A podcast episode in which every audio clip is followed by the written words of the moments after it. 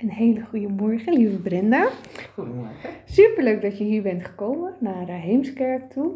En eventjes een introductie van hoe dit ontstaan is. Dat was weer zo'n heel mooi voorbeeld van synchroniciteit of toeval, of hoe je het wilt noemen. Want je stuurde mij een uh, bericht via LinkedIn waar wij geconnect zijn over een hele mooie workshop die jij uh, gaat geven.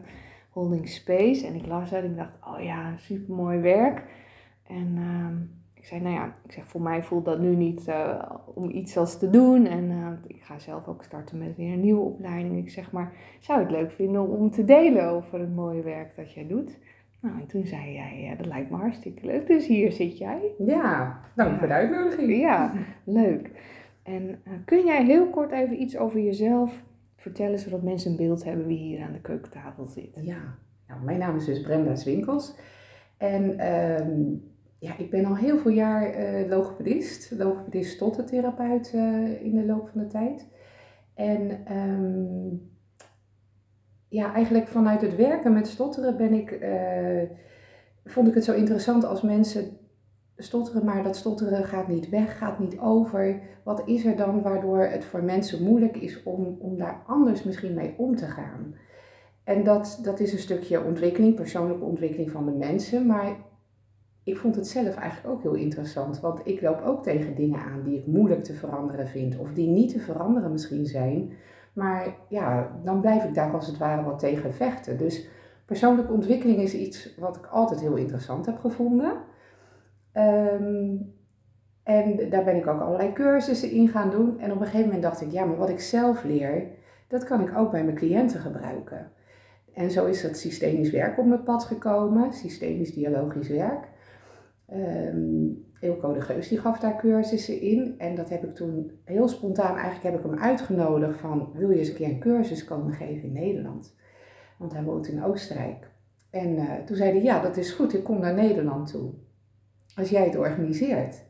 En zo zat ik eigenlijk in een, in een cursus waarvan ik dacht, hé, hey, dit vind ik echt heel interessant. Hier ga ik me echt verder in verdiepen. En hier neem ik mijn cliënten ook in mee. Um, Want wat, wat vond je daar zo interessant? Hè? Systemisch, dialogisch werk. Ja. Misschien even uitleggen. Ja, dat woord, dat is inderdaad, ja, ik blijf het maar gebruiken omdat het voor mij wel de lading dekt. Maar het, het is natuurlijk een woord wat voor veel mensen misschien niet direct tot de verbeelding spreekt. Het uh, dialogische stuk is eigenlijk van hoe ben je in contact met die ander. Um, de, de kwaliteit van de relatie die je hebt zeg maar, met een ander, maar ook met jezelf. En uh, dat is voor mij een soort basishouding waarmee je in het contact bent. Um, en vanuit hoe je in contact bent, kan je, ook met kan je ook systemisch gaan kijken. Dat is het systemische stuk.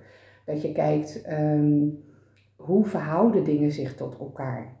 Als je een kleine opstelling zou maken dan kan, en je zou dat een, op tafel doen, dat je twee figuren opstelt, dan kijk je welke afstand hebben die elementen tot elkaar. Um, is er contact tussen die elementen. Dus zo zou je jezelf en dat waar jij last van hebt op kunnen stellen. Dus ik probeerde, wat mij aantrok is dat je het in een heel klein formaat kan doen met cliënten. Want ze komen eigenlijk helemaal niet voor systemisch werk als ze naar de logopedie komen. Maar dat je in een heel klein formaat wel met een cliënt kan kijken, welke plek heeft jouw klacht nou voor je? Mm. En dat vond ik zo ook bij mezelf, van dat ik ook ding, tegen dingen aanloop en dat ik vaak denk, ik ben mijn klacht. En als je het gaat opstellen in een heel klein formaat en je zet het eens neer, dan maak je eigenlijk een innerlijk beeld visueel. En dan zie je iets staan en dan denk je, huh, ja, oké. En dan kan je ermee gaan spelen, dan kan je ermee gaan schuiven. En dan kan je dus ook zien, wat heb ik nodig om bijvoorbeeld wel in contact met mijn klacht te komen. Want is dat belangrijk, dat je in contact bent met je klacht? Nou ja, je kan voelen als je niet in contact bent, dan blijf je het als het ware wegduwen. En het is wel een onderdeel van jezelf. Mm. Dus hoe graag je het misschien in de prullenbak wil doen, of weg wil hebben, of geen contact mee wil hebben. Ik vergelijk dat met een ballon. Hoe harder je het onder water duwt, hoe sneller het naar boven weer wil komen. Dus het kost je heel veel moeite als je het weg wil blijven drukken. En dat kan en dat mag. Maar het kost je dus ook veel energie waar je vaak niet eens misschien echt bewust van bent. Ja. Ja. Ik, zit dan meteen, ik zie dan altijd meteen zo'n plaatje voor me en dan krijg ik meteen even weer zo'n beeld en denk, oh ja, die persoon en die heeft dan dat. En die, die duwt dat inderdaad ook weg, zo van het mag er niet zijn, het mag er niet zijn. Want, maar stel nou dat iemand dat neerzet, dus jij, jij zet dat neer en die, diegene zegt van ja, het, het zit daar. Hoe, hoe verhoudt zich dan dat gedeelte erin van het dialogische stuk? Ja, nou, dat is een mooie vraag. Want vaak heb ik natuurlijk ook een idee van... hé, hey, wat, waarom zet hij nou helemaal daar neer? Dat is ook uh, ver weg of het zou misschien dichterbij uh, wel mogen. Maar vanuit een dialogische houding stel je eigenlijk heel erg open van... hé, hey, vertel eens, hoe zie jij dat? Hoe is dat voor jou? Of als je er nu naar kijkt, wat zie jij dan? Dus vanuit nieuwsgierigheid eigenlijk de ander benaderen... zonder dat ik al invul vanuit mijn gedachten wat ik denk dat dat, dat beeld betekent. Dus dan, ja, dan laat je eigenlijk de ander aan het woord. Um, zonder dat ik iets probeer te sturen in, in wat ik denk dat de ander moet vinden. Ja. En hoe kom je erachter? Want jij hebt die opleiding natuurlijk gedaan om het zelf. En hoe kom je er dan achter hoe, hoe dat bij jou zit? Hoe dat bij mij zit? Ja, of gewoon in zijn algemeen. Dus je gaat zo'n opleiding volgen. Hè? Dus en dan kom je natuurlijk achter van, oh, ik handel waarschijnlijk de hele tijd. Uh, bijvoorbeeld van, oh, ik vul het al in of ik wil het al oplossen. Of, dus moet je dan rollenspellen spelen? Of hoe weet je hoe je, hoe je denkt en hoe je handelt? Ah, ja. Nou ja, kijk in de opleiding, um, de opleiding die ik heb gedaan in het systemisch werk, dan onderzoek je eigenlijk ook patronen, kom je tegen van jezelf. Dus dat dan, her, dan, ja, dan is verlangzamen en een bereidheid om te reflecteren is nodig. En, dat, en uh, iemand die je dan begeleidt, die ook uitnodigt om in die stilte even te kunnen zijn, dat je het aan wil gaan, zeg maar. Dus dat um, de reflectie en de bereidheid om op jezelf te reflecteren, dat is nodig. Maar ja, ik heb ook een dialoogopleiding gedaan om ook echt vanuit oefeningen te verlangzamen en te vertragen. En jezelf te observeren hoe snel je al eigenlijk wil reageren op wat een ander zegt ja, en heel eerlijk gezegd, ik ben logopedist en dan is communicatie een belangrijk ding. En ik dacht altijd, nou, ik kan wel heel goed luisteren naar anderen, ik kan goed contact maken in de, in de therapie. Daar heb ik niet echt iets voor nodig meer. Tot ik dus ja, bij toeval in die opleiding terecht kwam dan van dat systemisch dialogisch werk. Dat ik dacht, jeetje, oh, dit is best confronterend, want ik, ik laat weinig stiltes vallen ik heb al snel mijn gedachten, maar dat is echt door ja, bepaalde oefeningen in verlangzamen. Ehm, dat je bijvoorbeeld, een mooi voorbeeld van een oefening is dat, je, uh, dat jij bijvoorbeeld vijf minuten de tijd krijgt om te spreken, waarin ik gewoon luister. En dan zet je heel, uh, nou praktisch gewoon maar een, een wekkertje, een timer, dus dat jij vijf minuten bent. En na die vijf minuten kan ik eventjes iets teruggeven in één woord of in twee woorden wat bij mij resoneert als ik naar jou luister. En dan wissel je om. Dan ben ik vijf minuten aan het praten en mag jij luisteren. En dat voor mij was zo'n oefening, vind ik, nou je, je kan hem thuis met iemand uitproberen als je dit hoort. Om gewoon eens op te merken, wat doet dat nou in jou als je stil bent en naar die ander luistert. Voor mij was het wel dat ik dacht, jeetje, ja, ik hoef even niks. Ik hoef even niks te zeggen. Ik mag gewoon met mijn aandacht bij jou zijn. Zoals jij nu doet terwijl ik praat, zie ik. Hè? Jij bent met jouw aandacht bij mij. En andersom vind ik het heel fijn dat ik nu merk dat als ik aan het woord ben, dat jij echt luistert. Ja. ja en dat die kwaliteit in de relatie die je daarmee krijgt of hebt, ja, dat vind ik echt heel mooi. Ja. En als je was dat voor jou ook iets wat je echt mocht leren? Dus dat je echt ook door dat gewoon op te merken, dus je mag vijf minuten aan het woord. Dat is misschien voor sommige mensen ook moeilijk of gek. Dat ze denken, oh, ik mag de ruimte pakken, kan ik me zo voorstellen, als je dat misschien moeilijk vindt. Ja. En dat je dat dus, dat dat ook iets is wat je dan echt kunt leren. Zowel het luisteren als de aandacht pakken. Ja, ja, heel mooi ja, want je kan ook in die vijf minuten dat jij de spreektijd zeg maar hebt stil zijn. En dat de ander dus, je, omdat je het van tevoren hebt afgesproken, weet je dat de ander ook niet dan ineens vragen aan jou gaat stellen. Dus je, dat is soms ongemakkelijk om stiltes te laten vallen, maar wel heel mooi om jezelf erin te bekwamen dat die stiltes je ook heel veel kunnen brengen. Ja.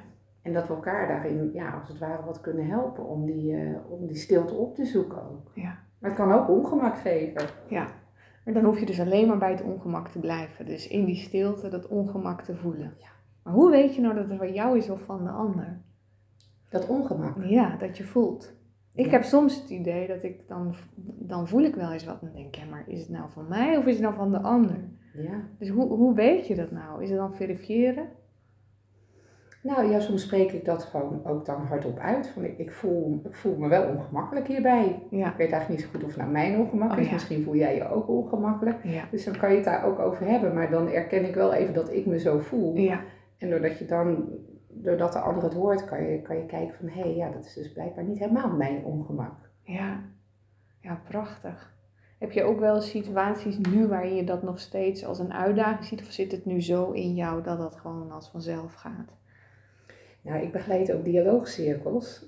En ik weet, eh, dat doe ik dan ook tijdens de cursussen. Wat is een dialoogcirkel? Nou, dan zit je met z'n allen dus in een cirkel. En dan, eh, dan heb je er geen tafels tussen staan. Dus het is gewoon echt dat je een, een, een kring eigenlijk maakt. Ehm, en het idee daarachter is ook dat je, doordat je in een cirkel zit en ik, als ik de cursus begeleid, ook dus geen ruimtes ertussen, maar dat je in de gelijkwaardigheid met elkaar zit. En ehm, als je zo'n cirkel zou doen, eh, dan kan je ook afspreken dat je een spreeksymbool bijvoorbeeld gebruikt. En dat spreeksymbool kan je in het midden leggen. En als er dan een onderwerp is waar je het over wil hebben met elkaar, dan kan je, ehm, als je ja, een impuls voelt om te spreken, dan pak je de talking stick, het spreeksymbool. En dan eh, kan je vertellen wat op dat moment jou beweegt rondom dat onderwerp. En ik weet als ik zo'n cirkel begeleid, dan is er soms ook even een ongemakkelijke stilte bij, bij mezelf. Dat ik denk, zouden ze nou begrepen hebben? Het blijft nu zo lang stil, niemand pakt hem. Eh, dus dan kan ik het ongemak, zeker in het begin, wel voelen dat ik denk, ja, nou dan ga ik wel iets zeggen. Of, en daar heb ik doorheen leren bewegen, dat ik gewoon de cirkel mee kan dragen als het ware. Dat al het ongemak ook van mij mag zijn en dat dat, dat oké is. Dus dat is wel heel grappig dat ik dat ja, steeds minder ongemakkelijk vind. Ehm, maar ja, ik ben ook wie ik ben. Ik heb natuurlijk ook af en toe mijn onzekerheden dat ik merk, hé, hey, hoe wordt het dan door de ander ontvangen? Maar ik geloof wel in de kracht daarvan. Dus ik merk ook dat ik het met veel, van binnen veel steviger voel, omdat ik ook weet wat de mensen kan brengen als ze zich ervoor openstellen. Want wat kan het mensen brengen als ze zich ervoor openstellen? Ja, dat je, dat je je lichaam leert opmerken. Dat het lichaam heeft zoveel te vertellen en als we maar blijven praten, dan hoeven we niet te voelen. En als je stil bent, ja, dan kan het wel zijn dat je, dat je van binnen van alles voelt of gedachten de hele tijd terugkrijgt waar je eigenlijk helemaal niet naartoe wil. En dat, eh, ja, wat gebeurt er als je daar wel naartoe gaat? En dus het kan, het kan je soms wat meer inzicht in jezelf geven. Misschien voel je wel veel moeier dan dat je eigenlijk wil toegeven, bijvoorbeeld. En blijven we maar doorgaan. En mag je ook even aan die moeheid dan toegeven. Of ja, daar heb ik eigenlijk geen tijd voor. Stilte wordt vaak als iets gezien van ja, ik heb wel wat beters te doen. Maar ik denk dat het heel efficiënt kan zijn als je eventjes de tijd neemt om, om op te merken wat er is. Of wat jij nodig hebt eigenlijk. Ja. Zo, ja, grappig, hè? Want als jij dat vertelt, dan merk ik inderdaad dat er bij mij dus wel, dan luister ik, maar tegelijkertijd komen er ook bij mij associaties en herinneringen. Dus dan ben ik toch ook met mezelf bezig. Dat is denk ik ook iets wat gewoon heel vaak Ja. gebeurt. En ik moet nu denken aan een voorbeeld dat ik laatst had met mijn moeder, die, die was hier. En ik merk dat ik het steeds fijner vind om soms gewoon stil te zijn als ik dingen doe. Dus bijvoorbeeld als ik koffie zet of thee zet. Of dat ik niet per se de hele tijd maar hoef te praten over niks. Noem ik het even zo, Ja. weet je wel. En ik merkte dat, ehm, dat zij het ongemakkelijk vond dat ik zo stil was. Want ze ging allemaal vragen stellen, maar die vragen die waren nergens echt op gebaseerd, weet je wel. Van, ik noem maar even wat van, heb je nu allemaal nieuwe soorten thee of zo, weet je wel. Van die vragen die helemaal niks toevoegen. En ik vond dat dus heel grappig om op te merken dat dat gebeurt. Dus als ik dan in dit geval zelf stil ben, Ja. Dan kan dat dus ook iets doen met andere mensen. Ja. Maar dan is het aan mij weer de uitnodiging om daar dan ja, niet of wel in mee te gaan. Ja. Wat doe jij dan op zo'n moment dat je dat opmerkt? Dus stel, jij bent heel stil en je merkt dat iemand anders juist meer gaat praten dan. Nou ja, dat kan natuurlijk twee kanten zijn. Want als ik stil ben, en eh, ik bedoel, je hoort het, ik, zeker als ik ergens enthousiast over ben, dan kan ik ook veel praten. Maar als ik stil ben, geef ik de ander ruimte ook. Dat is het. Uh, er ontstaat dan, laat ik het zo zeggen, ruimte voor de ander. En het kan zijn dat de ander daar dan denkt, hé, fijn, nou kan ik ook eventjes wat zeggen of vertellen. Dus dan is het meer dat je dus de ander, die, die voelt zich misschien dan uitgenodigd. Maar het kan ook zijn dat ik stil ben en dan denk ik, oh heerlijk, even, liever even nu gewoon stil zijn met elkaar samen. Maar dan is dat een behoefte die ik heb. En dan zoals jij dat beschrijft bij je moeder, dat je denkt, misschien heb ik liever even dat we samen stil zijn nu op dit moment. Ja, dan is het ook van, kan jij jouw behoefte hierin aangeven? Of is dat toch wel spannend en neem je dat maar voor lief even en ja, laat je je moeder gewoon dan maar de stilte spullen, zeg maar. Ja, ja grappig. Dus dat is dan ook weer het erkennen van je eigen behoefte. Ja, precies. Ja. Blijkbaar was voor jou stil zijn even helemaal oké. Ja. Ja, mooi. Want jij, um, nou je vertelde net al, je werkt heel lang als logopedist tot de therapeut. Nou, toen ben je die nascholing zelf gaan geven. En wat jij nu gaat doen, wat binnenkort ook op de planning staat, dat is holding space. Dan kun jij uitleggen hoe dat op jouw pad is gekomen en wat, wat het inhoudt. Want dat is volgens mij ook een van de dingen waar jij op aan uh, gaat. Ja. Ja, dat liep eigenlijk net zo gek als dat ik Ilko de Geustes op mijn pad kreeg. Dat ik het vroeg en dat ik een ja kreeg van Ilko. Zo heb ik tijdens mijn opleiding bij het Bert Hellinger Instituut uh, ook over um, de plet gehoord. En ik, ik vond het interessant. Ik ben haar blog toen ging, gaan lezen die viral ging. Um, What it means to hold space for others. Dat ging over haar moeder die um, nou, in een sterfproces was. En waar een verpleegster eigenlijk op zo'n manier voor hun aanwezig was. Dat, dat zij zich zo gezien en gehoord voelde. En dat ze daardoor ook op een hele mooie manier afscheid konden nemen van hun moeder. En ik kan me herinneren dat, dat toen tijdens de opleiding in dat systemisch werk, dat er ook zo'n moment was waarop Jan Jacob zei van, er gebeurde iets in de ruimte. Dat, dat, dat was eigenlijk holding space. En dat ik dacht, wat doe ik dan? Ik weet het niet. Wat, ja, dat, dat, het is niet echt te grijpen, want het is niet echt wat je, iets wat je doet, maar een manier van aanwezig zijn of present zijn ja, toen werd het ook wel lege midden genoemd. Maar ik, ik dacht, ik ben nooit leeg van binnen. Ik heb altijd gedachten en dingen. Dus mogen die er dan wel zijn als ik iemand begeleid? Want ja, leeg ben ik niet. En hoe hou je dan de ruimte voor iemand? Dus ik wilde daar heel graag meer over weten. En toen heb ik de stoute schoen aangetrokken en Heather een berichtje gestuurd van... Goh, ik lees je blog, ik vind het interessant wat je doet. Heb je plannen om naar Nederland te komen misschien? Want ja, Canada is nou niet echt heel handig voor mij om naartoe te reizen.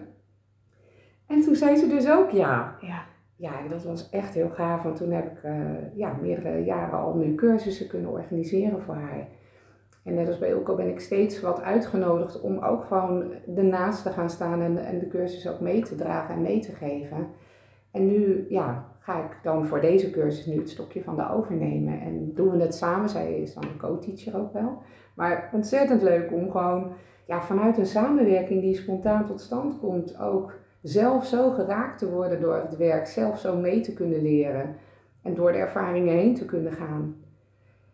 Ja, en ik, ja, nou, dat is een, een ding wat ik had ook nooit kunnen verwachten. En dat maakt dit voor mij eigenlijk extra bijzonder.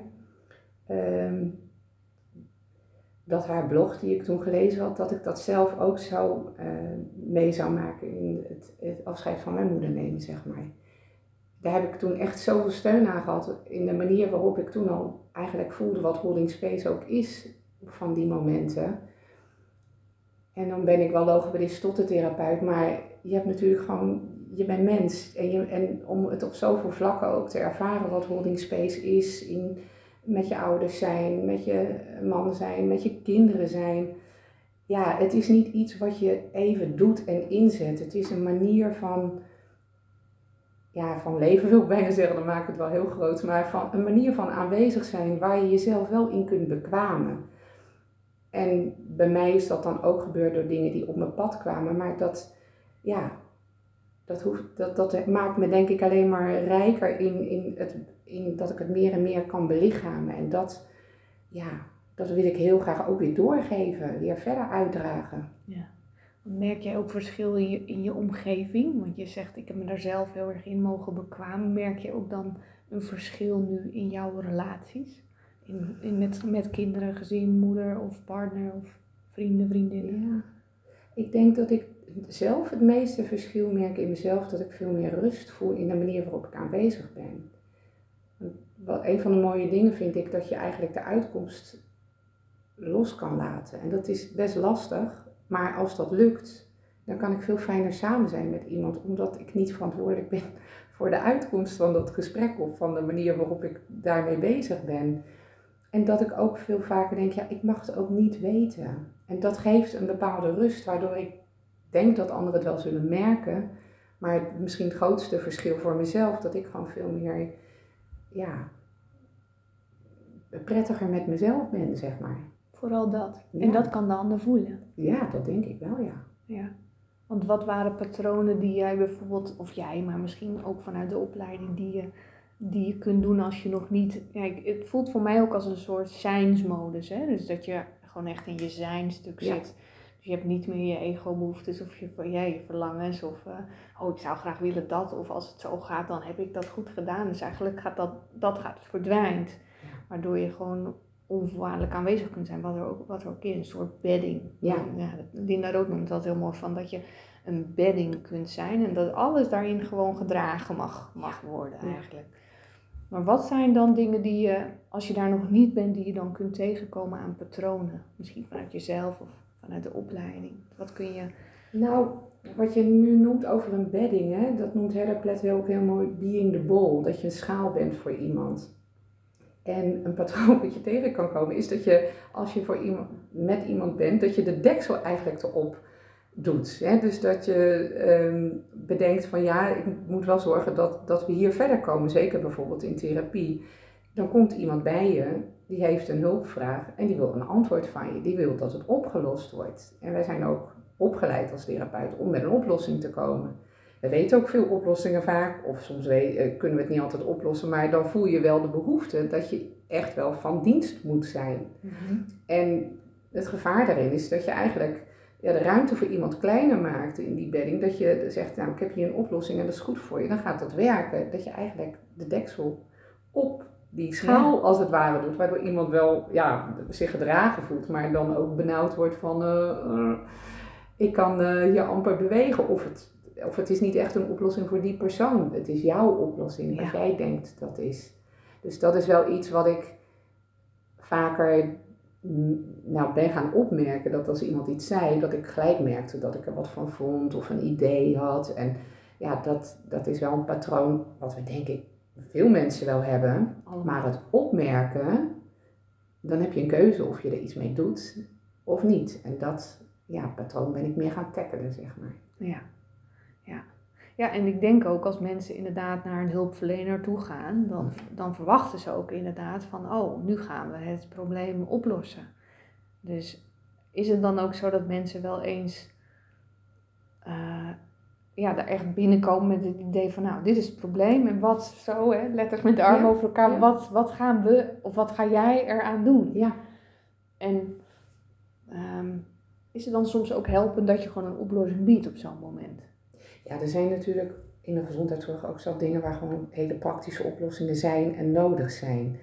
Um, het is meer dat als je merkt dat iemand niet verder komt en tegen iets aanloopt en al meerdere keren tegen iets aanloopt, dat je kan kijken, hé, hey, wat maakt dat, je, dat dat zo moeilijk voor je is en dat je dat zo graag weg wil hebben. Dus dat je inderdaad wel dan het gesprek samen aangaat, in dialoog gaat met de ander. Um, van hoe, hoe is dat dan voor jou? Want als dat er niet meer zou zijn, wat is het dan wel voor je? Waar is iemand, wat is de vraag daaronder dan, zeg maar? Dus ja, dat is dat je als therapeut een ruimte kunt creëren waarin je iemand uitnodigt om, om daar wat meer over te vertellen dan wat is, waarom moet dat dan zo weg? Wat vaak ook heel logisch is, hè? je wil van de klacht af. Ja. Maar soms is het gewoon niet gelijk haalbaar. Of helemaal niet haalbaar. En dat, ja, dat is met het stotteren ook, dat we dat zo vaak zien van ja, mijn kind stottert, het moet weg. En als je dan het gesprek aangaat, dan blijkt de angst en zorg voor de toekomst te zitten.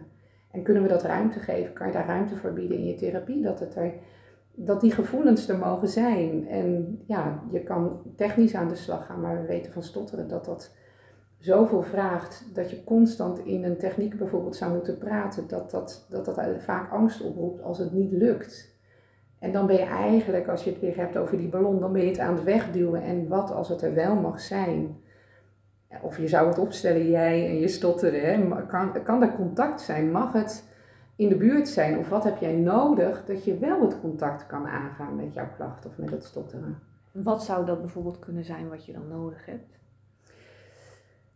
Nou, soms kan het heel praktisch zijn dat. Um, dat is wel grappig dat ik het vraag, want soms zeggen ze ja, dan daar heb ik jou voor nodig. Hè? Dus dan, uh, dan zeg ik, nou, kies jij ook eens een figuur voor mij uit. Wij zet mij eens neer. Ja. En dan is het ook interessant om te zien, wat verwachten ze dus van mij? Welke plek zou ik moeten innemen volgens hun ten aanzien van het stotteren? En dan vraag ik eigenlijk wat meer door van, stel nou dus dat dat stotteren dan, hè, dat je daar op een bepaalde manier mee om zou kunnen gaan, dat het voor jou oké is. Of misschien wel dat het, dat het bijna weg is. Wat, wat wordt er dan voor jou mogelijk? En soms kan ze zeggen, ja, dan zou ik veel meer praten, dan zou ik veel meer vragen stellen. En als je dan meer vragen zou kunnen stellen, ja, dat, oh ja, dan voel ik me echt veel vrijer. En dan, zei, dan, als je dat op zou stellen, dat gevoel van vrij, als je daar op doorgaat en je zet dat in die opstelling erbij, ja, dan verhouden ze zich weer anders tot dat stotteren. Dat, dan zie je gewoon dat er wat gebeurt bij iemand als je open staat om op zo'n manier, hè, dat is een manier. Ja. Sommige mensen denken, nou, ik vind het prima. Ja, dan schuif je het gewoon weer lekker van tafel af. Maar het, Heb je dat wel eens meegemaakt? Dat nou, ze zeggen, ik kan hier niks mee? Ja, nou soms kunnen figuren heel lastig zijn om je in te leven. Dan kan je ook met bodemankers werken, dat je het lichaam echt gebruikt om te doen. En soms zeg je, het is helemaal goed, er zijn zoveel manieren waar we het over kunnen hebben. En dan kan je ook door je manier van vragen stellen, iemand, waar is iemand nou echt naar op zoek? Ik weet eigenlijk niet meer wat je vraag nu was. Nee, dat ook niet meer. het ging echt van de ene zo naar de andere. Ja. Ook, nou, volgens mij wat je zelf dan tegenkwam en als mensen dan inderdaad iets van jou verwachten. En of het dan soms gewoon nodig is om gewoon praktisch een, eh, een antwoord te geven. Ja. Dat was het. De fixen, zeg maar. En dat, ja. Ja, want holding space is dan, hè, nou ja, die, jij noemde het een bol. Schaal. Een schaal, een bol, ja, in het Engels bol. Dus dan, dan ben je een bol. Betekent dat ook ergens dat je eigenlijk gewoon veel, ja, dat hebben we ook in de opleiding, zit ik dan even achter, dat ja, dat achteroverleunen, hè, inderdaad, gewoon van die houding innemen, van het hoeft niet. Dat je zelf ook minder hard hoeft te werken. Mm Ja. Ja, nou ja, ik denk als je je eigen schaal kent, en Herder beschrijft heel mooi drie lagen in de schaal eigenlijk, waar je schaal uit kan bestaan. Maar wat, dat je ook kijkt, wat bied ik de cliënt, maar ook wat ligt er in mijn eigen schaal al. En soms als we weinig zelfreflectie hebben gedaan, dan kunnen er best wel wat nou, pijndingen zijn die je liever uit de weg gaat, maar dat ligt wel in je schaal. Of er zit misschien nog schaamte op bepaalde dingen waar je het nooit over hebt willen hebben met mensen. Dat ligt ook in je schaal. Of misschien wel een trauma wat nog niet geheeld is dat hoef je net als de klacht, je hoeft dat niet allemaal weg te gooien. Dat zijn allemaal stukken van je. Maar kan je het even opzij leggen als je uh, aan de cliënt een holding space wil. Uh, hè, als je holding space houdt voor de, voor de cliënt. Holding the space, ja. En dat, daar nodig ik eigenlijk meer therapeuten ook in uit. Van, kan je eens kijken wat je in je eigen schaal hebt. Want cliënten botsen gewoon, als je daar geen aandacht voor hebt, botsen ze tegen jouw pijnlijke plekken aan. En hoe meer je bekend bent met wat in jouw schaal ligt, of misschien kan helen wat in jouw schaal ligt, wat van jouzelf is, dan kan je ook makkelijker herkennen, hé, hey, dit hoort bij de cliënt. En ik denk dat we dan de ruimte meer zuiver en open kunnen houden als we bewust zijn van wat we zelf aan werk misschien kunnen doen voor onszelf. En dat het daardoor ook makkelijker is om naar achter te leunen, want anders voel je altijd een appel, ik moet hier iets mee. Maar de vraag is, moet jij er iets mee? Ja, precies. Of moet de cliënt er iets mee? Ja. Is dat ook waar de training die jij dan nu gaat geven over gaat? Vooral zelfreflectie. Ja. Wat ligt er in mijn schaal? Nou ja, niet zozeer allemaal wat ligt er in je schaal, maar wel wat voor soort schaal heb jij als je met cliënten werkt. Ehm, dus dat je echt je eigen lagen van de schaal onderzoekt. Hè. Dus kan je in, eh, heb je het gevoel dat je in hete vuren kan zitten met jouw schaal? Of hoe doorlaatbaar is jouw schaal? Hoe luchtig is die? En ook wat voor schaal wil je zijn voor mensen? Dus dat je daar wat bewustwording over hebt. En natuurlijk. En dan kan je kiezen tussen die drie. Dus wil je een luchtige schaal zijn, heet, vuren en doorlaatbaar, wat zei je? Het kan ook best zijn dat je verschillende schalen bij verschillende mensen bent. maar ah, dat je wat bewustwording hebt over wat jij wil en ook wat jij nodig hebt. Want wie of wat steunt jou ook daarin? In dit werk, als je met mensen werkt überhaupt, dan is het belangrijk, dat is emotionele arbeid noem ik het maar, dat je ook bewust bent van wat het jou kost. En heb jij ook iemand die voor jou weer de space zeg maar, ehm, de ruimte soms draagt, waarin jij weer even met jouw dingen mag zijn. En ik denk dat dat in dit werk belangrijk is, dat je, of in het werken met mensen belangrijk is, dat je ook weet of bewust bent waar kan ik even naar terugkeren, wat steunt mij en wat heb ik nodig om dit werk goed te kunnen blijven doen. Ja. En wat is dat voor jou? Wat heb jij nodig om jouw werk te blijven doen? Ja, ik vind het heel fijn om momenten te hebben dat ik me echt even zelf terug kan trekken, uit het contact kan zijn. En dan zoek ik graag de natuur op. Ehm, en ik heb gemerkt, zelfs als ik me terugtrek, kan ik nog over van alles na blijven denken. Maar dan, wat mij echt helpt om weer op te laden ook, uh, is, is echt gewoon in de natuur zijn en bewust mijn zintuigen openzetten. Wat ik hoor, wat ik voel, wat ik ruik. Dat vind ik heerlijk. Dat, dat heb ik echt nodig. En ja, maak ook steeds meer ruimte om mezelf dat te gunnen, zeg maar. Ja, ja. maar dat is ook wel mooi, want ja, als, je, als je niet aan je eigen behoeften voldoet, dan wordt dat denk ik ook lastiger om dan die holding space te bieden aan de ander. Ja. Eigenlijk, ja, dan zit je zelf daar ook niet. Uh, ik kan me ook voorstellen als er zelf een bepaalde casus bij je speelt. En uh, ja, dat moet je dan wel voelen of dat kan je uitschakelen gewoon voor dit moment. Of je hebt even nu iets nodig om daar eerst even mee te dealen voordat je dan weer wat gaat doen. Ja. Maar ik denk dat dat vaak niet gebeurt. Nou, dan heb je het eigenlijk weer over die stilte. Dat helpt ook om op te merken, wat heb ik nu nodig? Is dit iets, kan ik nu wel eigenlijk even voor de ander holding space ja. Of is me dit nu ook te veel? Ja. En ik heb dat met mijn eigen ouders ook gemerkt, dat je toch in een soort loyaliteit komt. Dat je denkt, ja, ik wilde wel voor ze zijn, maar eigenlijk kan ik het nu even niet. Ja. En dan die ruimte voor jezelf nemen, dat kan voor mensen best heel lastig zijn. En als je vaak jezelf daarin eigenlijk terugtrekt en maar voor de ander blijft zorgen. En dat denk ik vanuit de zorgverlening zijn we niet voor niks zorgverlener geworden, omdat we graag voor anderen zorgen. Dan is het heel goed om wel te kijken welk patroon zit er bij mij achter, waardoor ik zo blijf uitreiken naar een ander. En, en wat heb ik nodig om dan toch ja, die zelfreflectie om te kijken wat je nodig hebt om uh, goed voor jezelf te blijven zorgen. Ja.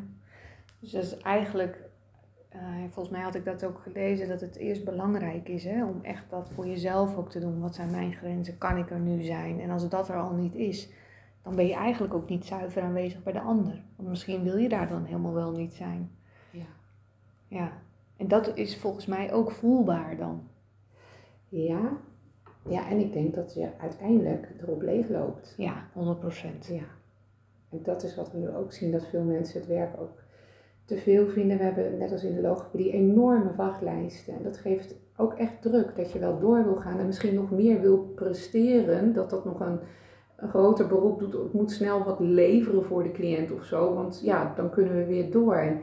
En juist dat denk ik dat en heel veel van onszelf vraagt als therapeut maar de vraag is ook, help je de cliënt er ook echt mee? En help je er op de lange termijn de cliënt mee? Ja. En dat is een beetje die beweging van die positieve gezondheidszorg, dat je de regie veel meer bij de cliënt laat.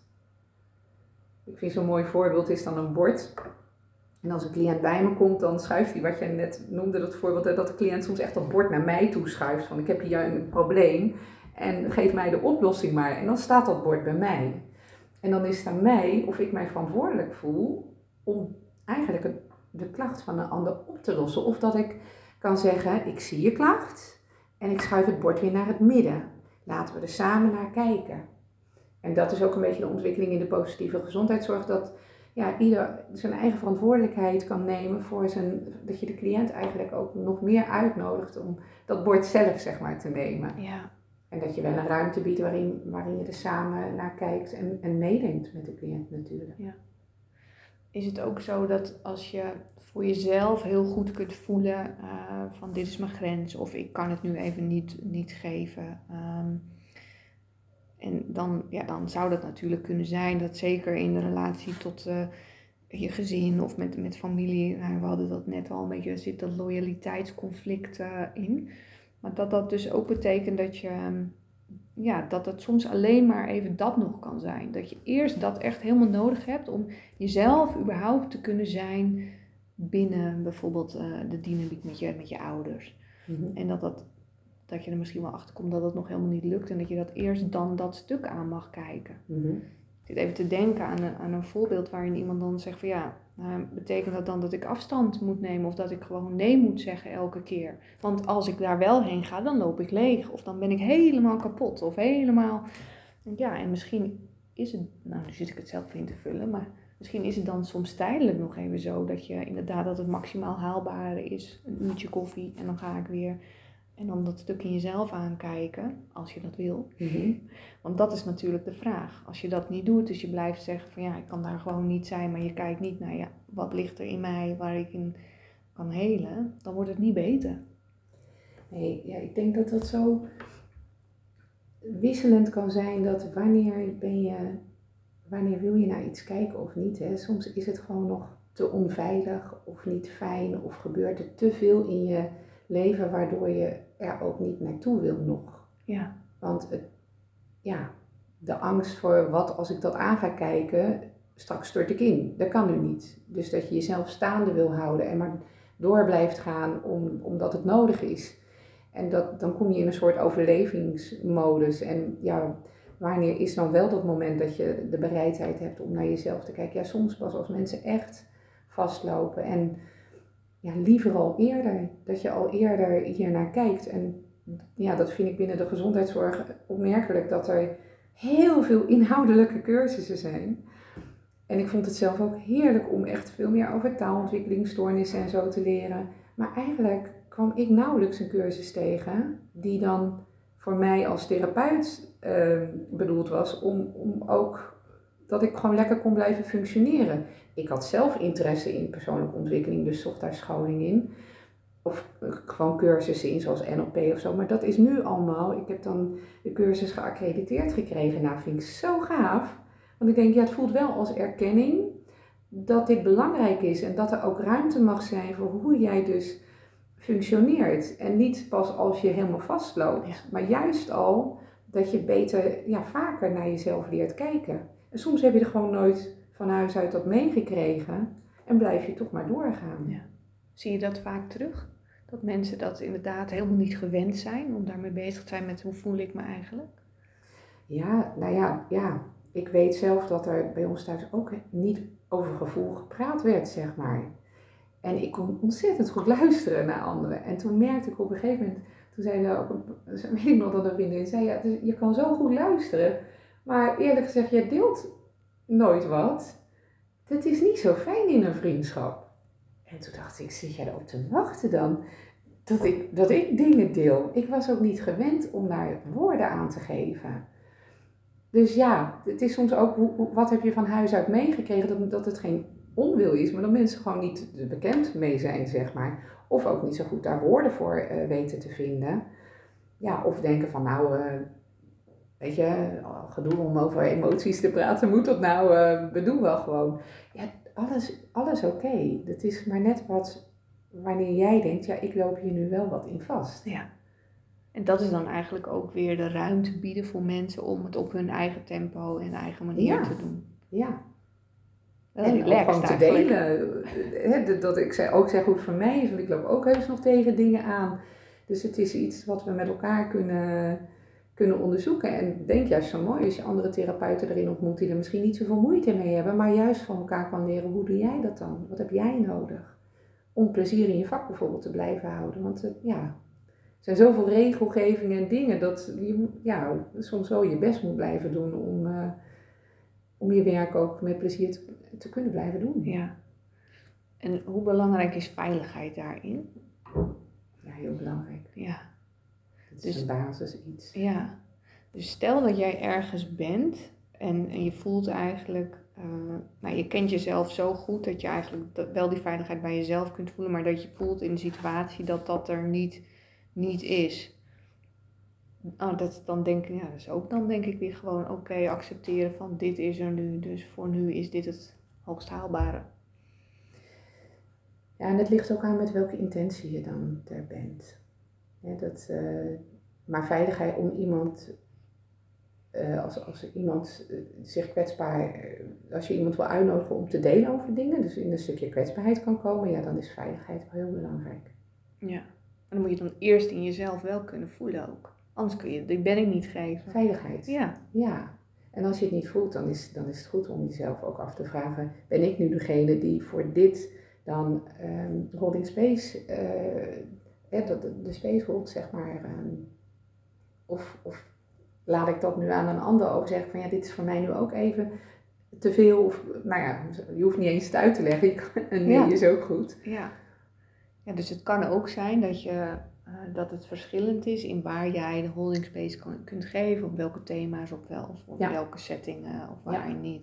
Het is dan afhankelijk van waar je zelf ook zit in je eigen stukken. Ja, waar je of misschien al doorheen bent gegaan, of dat, eh, dat je merkt, ja, door dingen die in je leven gebeuren, ja, voelt het nu niet fijn om, eh, Ja.